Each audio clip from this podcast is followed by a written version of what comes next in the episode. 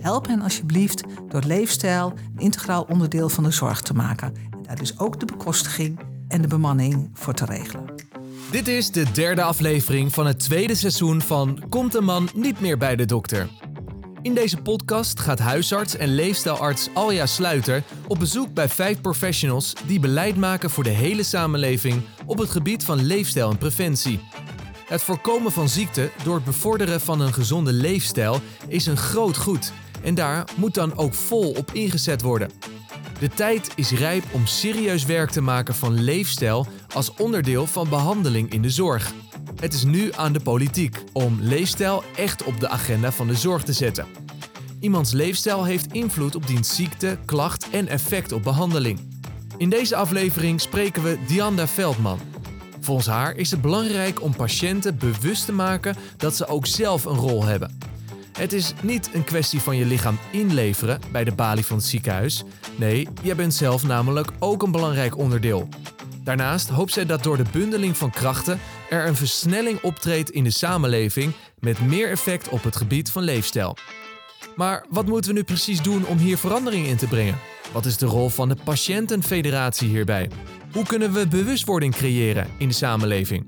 Wat zijn de uitdagingen waar de Leefstijlcoalitie in de zorg voor staat? En hoe zorgen we voor meer versnelling en effect op het gebied van leefstijl? Je hoort het in deze aflevering. Ja, we zitten hier aan tafel bij Diana Veldman, directeur-bestuurder van de Patiëntenfederatie Nederland. En ja, Diana, ik heb een aantal vragen voor jou zelf. Het dossier van. Hoe zorg jij nou zelf dat jij het kunt terugschakelen? Want ik las in een eerder interview dat jij wel eens de TCV genoemd wordt.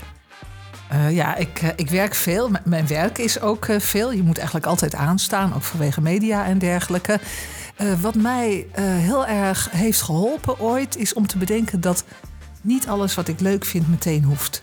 Dus in Afrika heb je het over spacing van kinderen. Hè? Dus dat je ja. niet je kinderen te dicht op elkaar krijgt. Nou, ik space mijn vrije tijdsbesteding. Dus ik vind bijvoorbeeld schilderen heel erg leuk. Maar ik heb op een gegeven moment gedacht van nou, als ik dat nu ga doen, dan levert dat alleen nog maar meer stress op. Uh, dus dat komt wel weer eens. Maar ik doe nu wel aan muziek bijvoorbeeld. Kijk, ja, basgitaar hoorde ik hè? Ja, dat is erg lang geleden hoor. Ik, uh, sinds een half jaar speel ik piano in een jazzworkshop. Hartstikke moeilijk, dus je moet je brein laten werken, maar ook daardoor heel ontspannend. Dus het spacen van vrije tijd, die ga ik zeker meenemen. En wat is jouw meest favoriete spelletje of quiz? Nou, ik hou enorm van quiz. Vooral quizzen maken, want dan verlies je niet. Haha. maar uh, uh, nee, ik heb eigenlijk een heel kneuterig spelletje. Een, een, bordspel, dat heet Patchwork. Dat kan je met z'n tweeën doen. En wat voor mij enorm rustgevend is... is om een paar dagen per week na het eten thuis... met mijn partner een potje Patchwork te doen. Dat duurt 20 minuten en dan ben ik daarna helemaal relaxed. Ben je toch weer teruggeschakeld ook, dus dan is het een win-win situatie. En wat drijft jou persoonlijk op het gebied van preventie? Voor mij persoonlijk is het belangrijk om uh, zo lang mogelijk ja, een beetje fit te blijven. gezond, ik word ook een dagje ouder. dus ik wil voorkomen dat ik ja, te stijf word. Dus een beetje in beweging blijven. de kilo's wat in de gaten houden. Ik ben niet een, een, een fit girl ook een beetje weinig tijd voor bewegen, maar uh, probeer er wel op te letten. Je ziet er wel fit uit hoor, moet ik zeggen. Dan gaan we door naar een aantal thema's. Want ik las in een eerder interview: in Nederland is steeds meer aandacht voor preventie en leefstijl. Met name voor gezonde mensen. En als Patiëntfederatie Nederland zetten jullie in voor mensen met een aandoening. Jij zegt ook van ja, we zijn niet per se de expert op het gebied van leefstijl, maar wij weten wel hoe we patiënten en zorgverleners en andere partijen in de zorg bereiken. En daarover wil ik het graag met jou hebben. En leefstijl en de inwoner van Nederland. Wat vertellen ze aan jullie als patiëntfederatie? Nou, we hebben niet al te lang geleden een onderzoek gedaan in ons patiëntenpanel, of ons zorgpanel. Daar zitten ongeveer 20.000 mensen in. Aan dat onderzoek hebben zo'n 10.000 mensen meegedaan. Dat zijn niet de gemiddelde inwoners van Nederland. Dat zijn over het algemeen mensen die al wel met een ziekte te maken hebben. Maar wat ik fantastisch vond, was dat eigenlijk 80% zei van ik vind leefstijl belangrijk. Ik, ik doe ook mijn best, maar het is niet makkelijk. En ik vind het vooral heel erg belangrijk dat ik daarover in gesprek kan gaan met mijn zorgverlener. Dat ik goede tips krijg, dat ik verwezen word. En het bijzondere is dat de 20% die zei van ja, ik, ik doe daar niet zoveel aan, dat dat eigenlijk vooral mensen zijn die door hun ziekte Uh, ja, waardoor de, waar, waar, waarbij die ziekte leefstijl niet zoveel uitmaakt. Bijvoorbeeld mensen met oorproblemen of oogproblemen. Ja, dan kan je wel meer gaan bewegen. Maar daarmee gaat dat niet over. Hè. Voor iemand met diabetes of hart- en vaatziekten bijvoorbeeld... Uh, levert dat veel meer op. Ja, dus jij zegt die 80% die zegt van hier willen we wat mee. En er is 20% die zegt, nou weet je, ik heb een aandoening.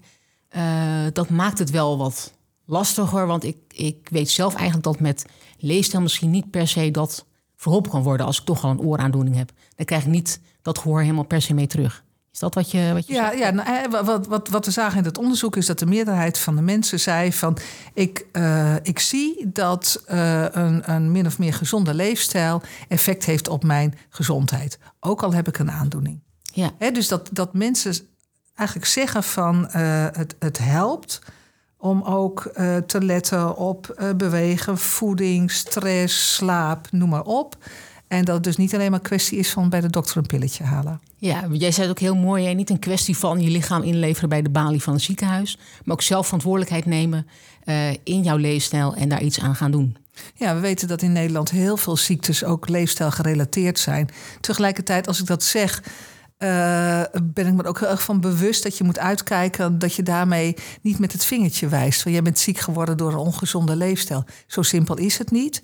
Uh, maar het is wel zo dat een omgeving die uh, niet uitnodigt om gezond te leven in allerlei opzichten, uh, echt wel ziekmakend kan zijn. Ja, daar ligt ook wel gelijk een uitdaging. Want ik ben het helemaal met jou eens. Je moet natuurlijk niet gaan wijzen, want het is niet altijd jouw schuld. Of het is in veel gevallen ook niet jouw schuld. Maar hoe zorgen we nou dat voor iedereen zo'n omgeving haalbaar is? Want uh, als je toch wat hoog opgeleid bent en je hebt een goed inkomen, dan heb je iets meer ruimte en ook iets meer mogelijkheden om gezond te leven. En hoe zorgen we nou dat we ook die andere mensen meekrijgen?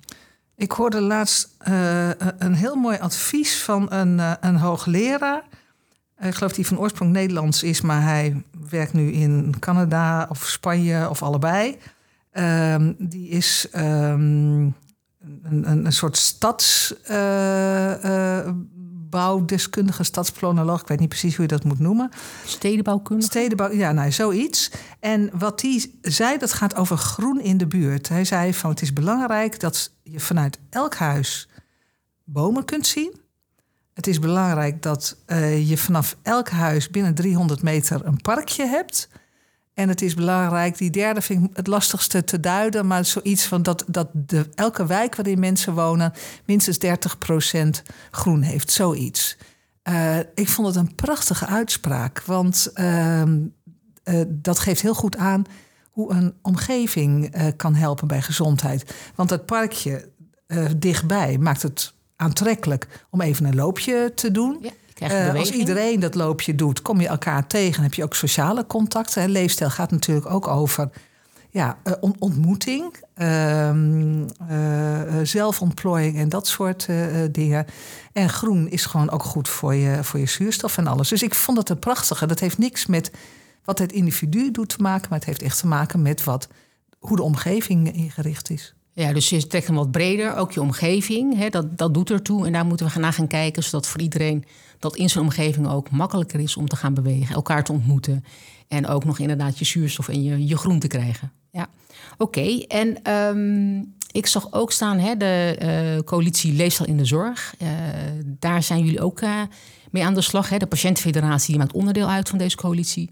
Samen met TNO en de NFU en de Vereniging Arts en Leefstijl spannen jullie in om die gezonde leefstijl onderdeel te laten maken van de reguliere zorg. En wat is jullie rol eigenlijk als patiëntenfederatie? In 2018 al hebben wij een uh, visie opgeschreven over hoe volgens ons uh, uh, het leven van mensen met een aandoening en de zorg eruit zou moeten zien in 2030. de titel van die visie was Meer mens, minder patiënt. Wat we daarmee eigenlijk bedoelen is, ja, je bent niet alleen maar iemand met een versleten heup of een longen die slecht functioneren of een huid waarvan alles mee uh, is. Het gaat erom dat jij een mens bent, dat je als mens wilt leven met een aandoening of zonder aandoening en dat je ook als mens gezien wilt worden in de zorg en niet als die uh, aandoening. Nou, binnen die visie meer mens, minder patiënt hadden wij vijf pijlers gedefinieerd. En de eerste pijler zegt: Mijn omgeving maakt het mij gemakkelijk om gezond te leven. Dat was een hele mooie pijler. Wij gingen met die visie aan de slag. Uh, heel veel dingen ja, konden we eigenlijk meteen vormgeven. Maar die eerste pijler, daar hebben we heel lang op zitten kouwen. Omdat we dachten van ja, het is zo, het moet gebeuren. Maar wat is onze rol precies? En we zagen onszelf geen uh, voorlichting geven over uh, roken op basisscholen. Ik bedoel, daar, zijn we niet van, hebben we geen kennis van, hebben we geen netwerk. Dus het was, het was een beetje een soort handelingsverlegenheid. Tot het moment dat we daar gewoon een keer flink ingedoken zijn. En toen, ja, toen eigenlijk viel het kwartje. Wij zijn van de patiënten.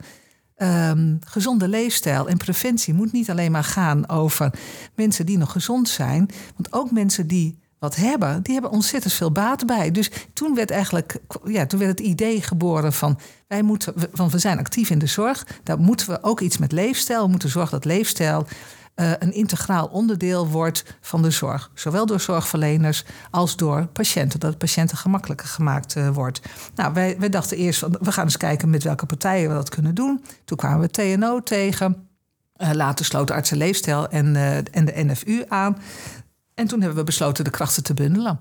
En nu zijn wij samen met TNO managen we het programma, zou je kunnen zeggen. Hebben we verantwoordelijkheid over het totaal. En daarbinnen um, zijn we dan verantwoordelijk voor een aantal thema's. Dat is ook wel goed om te horen. Hè? Je begint, al in 2018 zijn jullie gestart. Meer mens, meer, uh, minder patiënt. En eigenlijk is dat organisch gegroeid naar ook in de zorg. Als je al iets hebt, heb je uh, effect van leefstijl. Dus dat is een, uh, wat je eigenlijk niet van tevoren beseft. Maar jullie zijn erachter gekomen, aldoende. Dus dat is, vind ik, ja, heel uh, hoe zeg je dat goed om te horen dat dat zo ontstaan is? Want wij denken altijd, preventie zit voor de zorg, maar preventie zit ook in de zorg en leefstijl zit ook in de zorg. Want ook jij als patiënt met diabetes hebt effect als jij dus iets gaat doen aan je leefstijl. Ja, precies. Nou ja, en wat er ook meespeelt, als je alleen maar iets voor gezonde mensen zou doen, ongeveer de helft van Nederland heeft eh, één of meer chronische ziektes. Dus dan zou je de helft van Nederland, af, de helft van Nederland afschrijven. Nou, dat zou wel heel dramatisch zijn, toch? Dat is heel dramatisch. En dan schrijf je ze af en dat, uh, dat willen we natuurlijk niet. Uh, en welke stappen zijn er al gezet voor die inwoner? In de coalitie bedoel je? Ja. Nou, met de coalitie hebben we uh, vorig jaar uh, uh, een werkplan gemaakt voor drie jaar. Daar hebben we heel fijn geld voor gekregen van het ministerie van VWS. In dat werkplan hebben we zeven thema's onderscheiden. En uh, uh, ja, dit is eigenlijk het eerste, of we zijn eigenlijk pas vanaf april begonnen. Het eerste jaar gaan we vooral ja, uitzoeken, onderzoeken, leren, ontdekken. En vooral heel goed aan de start kijken wat werkt en hoe kunnen we versnellen. Er is al heel veel op het gebied van leefstijl, ook in de zorg, ook voor patiënten. maar dat moet meer gebundeld worden, daar moet je tussen kiezen. en dan moet je vooral heel veel partijen mee in aanraking brengen. Vandaar ook een coalitie met veel partijen. Ja, zodat het gedragen wordt en die gaan dat weer uitdragen naar de rest van, uh, van Nederland. En jij zegt versnellen. Hoe uh, kunnen we dat doen? Heb je daar een idee bij? Nou, wij hebben eerder ervaring met de Vliegwielcoalitie. Dat gaat over uh, het versnellen van, van het gebruik van digitale zorg. Wat we daar geleerd hebben is hoe je met partijen, vaak beginnend met voorlopers die al ervaring hebben, door die ervaringen te bundelen, door te zien wat zijn de knelpunten, door die samen aan te pakken en door die ervaringen weer te delen met anderen, met webinars, met, uh, met elkaar helpen, met ook kunnen bellen of wat dan ook. Op die manier uh, eigenlijk de drempel voor uh, nieuwe zorginstellingen die ermee aan de slag willen lager te maken. En daar geloof ik heel erg in dat, dat, dat, dat hoe zeg je dat? Die, uh, die kringen in het water. En je begint ergens en het wordt steeds meer en het wordt steeds groter. Waarbij je vooral het makkelijk maakt voor mensen. Want in de zorg is heel vaak, hè, we, hebben het, we hebben grote woorden over transformaties, maar dat blijft vaak heel erg abstract. En dan denk je als huisarts of als ziekenhuis van ja, maar wat verwacht je nou voor mij? Ja, dus eigenlijk zeg jij, uh, het moet van Bottom-up moet het uh, komen. We moeten de, drempel moeten verlagen. En ook zorgen dat dat over heel Nederland zich verspreidt. En dat doe je door uh, de zichtbaarheid te vergroten. En ook uh, het voorbeeld te nemen van die digitale project wat jullie gedraaid hebben. Welke stappen moeten er nog in 2023 gezet worden volgens jou? Ten aanzien van de coalitie. Nou, we zijn nu bezig steeds meer partijen aan te haken bij de coalitie. Er komt een programmaraad, die zijn we nu aan het invullen. Eind, uh, eind augustus komt de eerste bijeenkomst van de programmaraad, die een soort strategische uh, rol heeft. En in die programmaraad zitten ook de partijen die we in de coalitie willen hebben. En dat is een combinatie van professionals, artsen, verpleegkundigen, zorgaanbieders uit de langdurige zorg, uit de ziekenhuiszorg, uit de eerste lijns uh, zorg, patiënten natuurlijk. Juist door die combinatie uh, en, en het elkaar ontmoeten, het samen sterker uh, worden, hopen we dat die coalitie ook echt tot die versnelling komt. Dat is al redelijk concreet, hè, eind augustus. En als je kijkt naar patiënten, hebben die nog deel in, in dit project? Of uh, hebben jullie ze ook nog meegenomen? Nou, als patiëntenfederatie uh, uh, trekken wij dit project natuurlijk samen met TNO. We betrekken onze leden heel actief. Er zitten een paar leden in de programmaraad, onder andere de diabetesvereniging. Een van de zeven thema's is het thema patiënt. Dat staat onder onze uh, leiding. Daar hebben we net deze week een, uh, een bijeenkomst gehad waar uh, nou, ik geloof wel veertien vertegenwoordigers van, van verschillende patiëntenorganisaties uit onze achterban waren. Waar we doorgepraat hebben hoe we onderzoek kunnen doen onder patiënten om verschillende doelgroepen te onderscheiden. Want elke ja, niet elke patiënt heeft behoefte aan hetzelfde. Dus we zoeken naar een soort segmentatie. Daar denken zij dan over mee. En op die manier, we hebben dus die klankbordgroep met patiëntenorganisaties, die we de komende drie jaar continu zullen bevragen. Uh, nou, niet alleen bevragen, maar ook uh, producten voor hen ter beschikking stellen. Waar ja. ik heel erg in geloof, is dat, je, uh, dat niet iedereen het wiel steeds opnieuw uitvindt. Maar dat je een soort, ja, ik noem het graag halffabrikaten maakt. Uh, uh, 75% is al klaar. En 25% kan een organisatie, of dat nou een zorginstelling is of een patiëntenorganisatie, zijn eigen kleuring en invulling uh, aangeven. Dus die kunnen het customizen. En jij geeft, jullie geven dan iets af van nou, dit is wat het format. En je kunt hem op maat gaan maken met hoe jij ja, het zelf wil inrichten. En dat kan je doen met een campagne, dat kan je doen met voorlichtingsmateriaal, uh, noem maar op. Ja, dat klinkt goed. En ik vind het ook uh, goed om te horen dat die patiënten ook meegenomen worden. Want daar doen we het uiteindelijk voor in de zorg. Hè. We zijn alles aan het bedenken vaak. Maar het is dan ook uh, uh, heel fijn dat de patiëntfederatie daar ook een rol in heeft. Zodat we ook weten wat die patiënt wil van ons. Hè. En ze zeggen het ons. Ze vertellen van nou, we leefstijl willen we. eigenlijk op alle vlakken voor de zorg. Maar ook als we in de zorg zelf zitten. Ja, dat, en, dat, en dat, dat begint bij dat als je iets bedenkt, als je iets ontwerpt uh, of dat nou communicatie is of een, uh, een, een, een, een, behandeling, een interventie, hoe je het maar noemt, zeggen wij altijd: moet je vanaf het begin de toekomstige gebruikers, patiënt in dit geval, meenemen. Maar ook de individuele patiënt die uh, meedoet aan een leefstijlinterventie, die moet je daar ook goed in meenemen. Hè, zodat mensen ook snappen waar het over gaat, in staat zijn om die interventie te gebruiken en vol te houden. Dat is natuurlijk superbelangrijk. Ja, volhouden is natuurlijk een, uh, inderdaad een uitdaging. En uh, ik vroeg me ook nog af, welke uitdagingen liggen er voor alle inwoners in Nederland? Heb jij daar een idee van? Ik zit. Uh, veel, ik denk, heel veel. We, le veel. we leven ja. in een samenleving die natuurlijk helemaal niet gericht is op een gezonde leefstijl. Hè, ik bedoel, daar, daar, daar, daar zijn genoeg andere podcasts over. Maar ik denk, ja, dus de, de inrichting van de omgeving.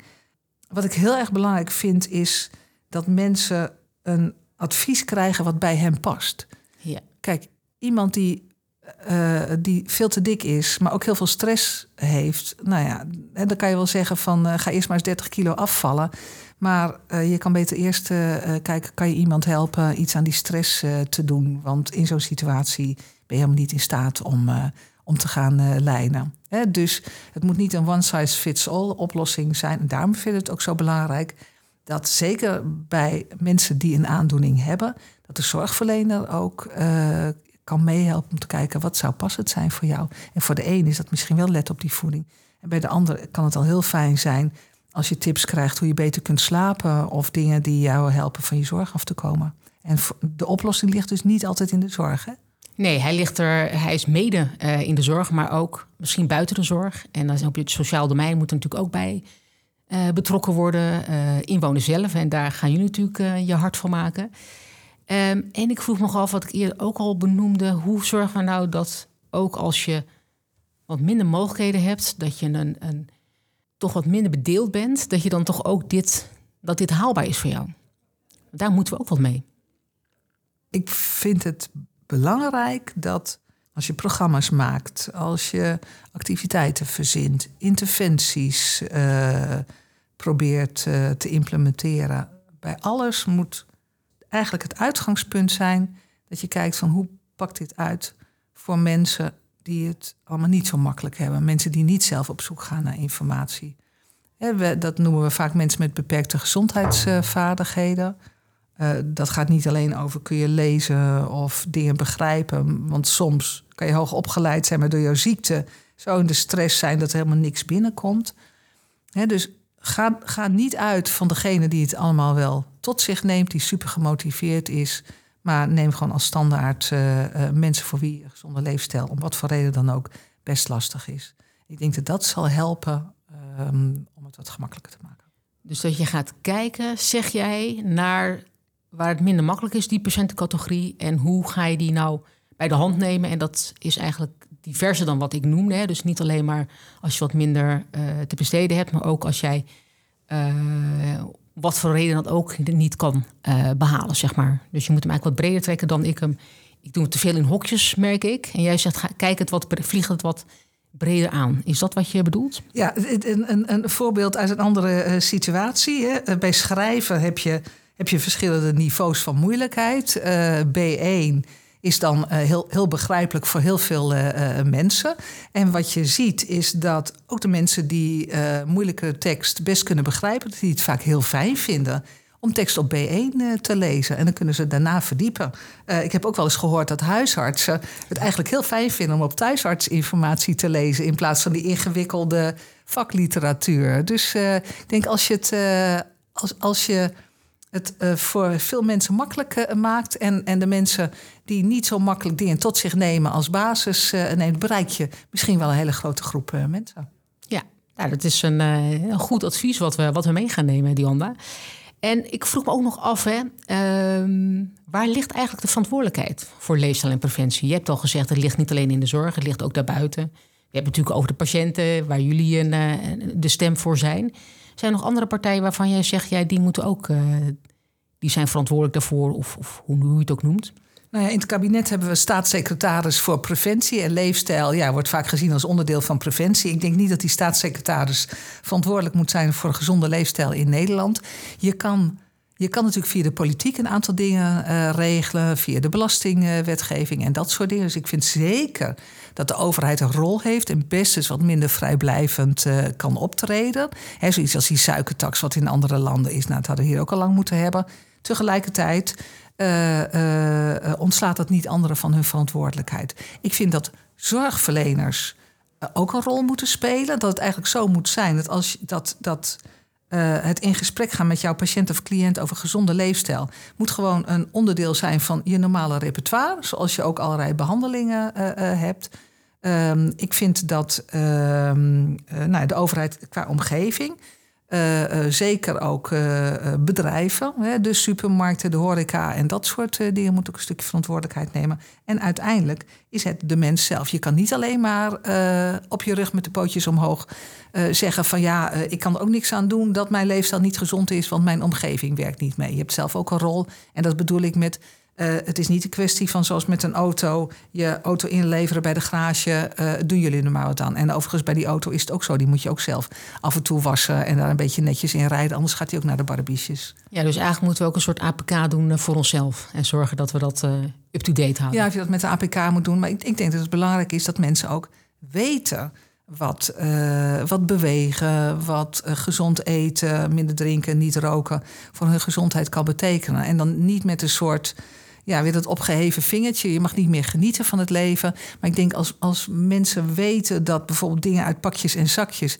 echt uh, uh, veel slechter voor ze zijn dan wanneer ze onbewerkte dingen eten.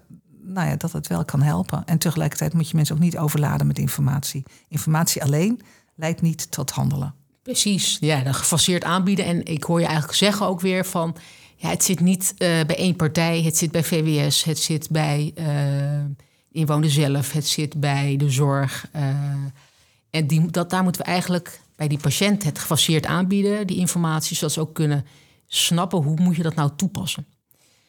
Ja, en hoe krijgen we die preventie nou nog meer die samenleving in? Heb je daar een idee van? Nou, eigenlijk op alle fronten.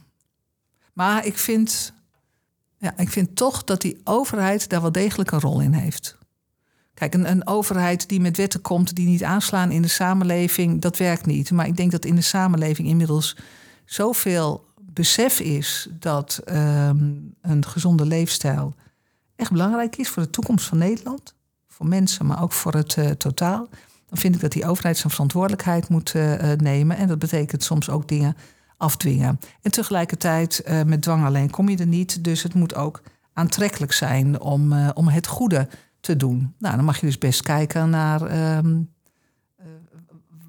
wat is betaalbaar en wat niet. Of dat je uh, bijvoorbeeld in de zorg ook um, de aandacht voor leefstijl betaalt. Want dat is natuurlijk nu het probleem. Als je wacht tot iemand hartstikke ziek is en dan gaat behandelen, krijg je als zorginstelling je geld. Als je in een vroeg stadium bij bent en eigenlijk voorkomt dat mensen maar steeds naar jou terug moeten komen, ja, dan ben je de sjaak uh, wat je geld uh, betreft. dus op dat soort fronten moet natuurlijk ook heel veel gebeuren. Maar dat is iets wat we in de coalitie Leefstijl in de Zorg ook willen aanpakken. Ja, dus iets eerder beginnen en niet achter de feiten aanlopen. Ja, tot slot, uh, we hebben over een aantal thema's gehad. En we hebben in deze serie hebben we ook het briefje aan Ernst. Dus ik ben heel benieuwd. Hè. wat zou jouw advies zijn aan onze minister van Volksgezondheid. Welke boodschap heeft onze gast aan de demissionair minister van Volksgezondheid, Welzijn en Sport en zijn opvolger? Dit is het briefje aan Ernst. Nou, eh, hij is van de Volksgezondheid. Ik zou tegen hem zeggen: beste Ernst Kuipers, uh, we weten dat uh, mensen met een aandoening um, zien en snappen dat een gezonde leefstijl ook voor hen belangrijk is, echt tot verbeteringen kan leiden, maar ze vinden het ook moeilijk. Help hen alsjeblieft door leefstijl een integraal onderdeel van de zorg te maken. En daar dus ook de bekostiging uh, en de bemanning voor te regelen. Dit lijkt me een helder advies aan, aan Ernst. En dan tot slot, eh, Dianne, wat is dan jouw advies aan de inwoner van Nederland op het gebied van preventie? Um, weet dat leefstijl echt heel erg belangrijk is voor je eigen welbevinden in de toekomst, maar ook nu. Uh, laat je niet gek maken door iedereen die jou allemaal leefregels uh, uh, oplegt. Zoek iets waarvoor jij gemotiveerd bent, wat bij jou werkt, waar je ook nog een beetje plezier van hebt en wat makkelijk is om vol te houden. En probeer het ook samen met anderen te doen. Want dan is volhouden in elk geval makkelijker. Ja, Dionna, ik neem van jou mee. Zet gezonde leefstijl als behandeloptie breder in. Een grote groep patiënten die staat hiervoor open. Dat hebben jullie onderzocht en die verwachten ook van ons, niet anders. En die bewustwording is al gaande. En samen met de Patiëntenfederatie en andere deelnemers in de coalitie Leefstijl in de Zorg gaan we die versnelling gaan we maken met meer effect voor alle inwoners van Nederland. Dankjewel, Dianda. Mooi samengevat al, ja. Jij bedankt.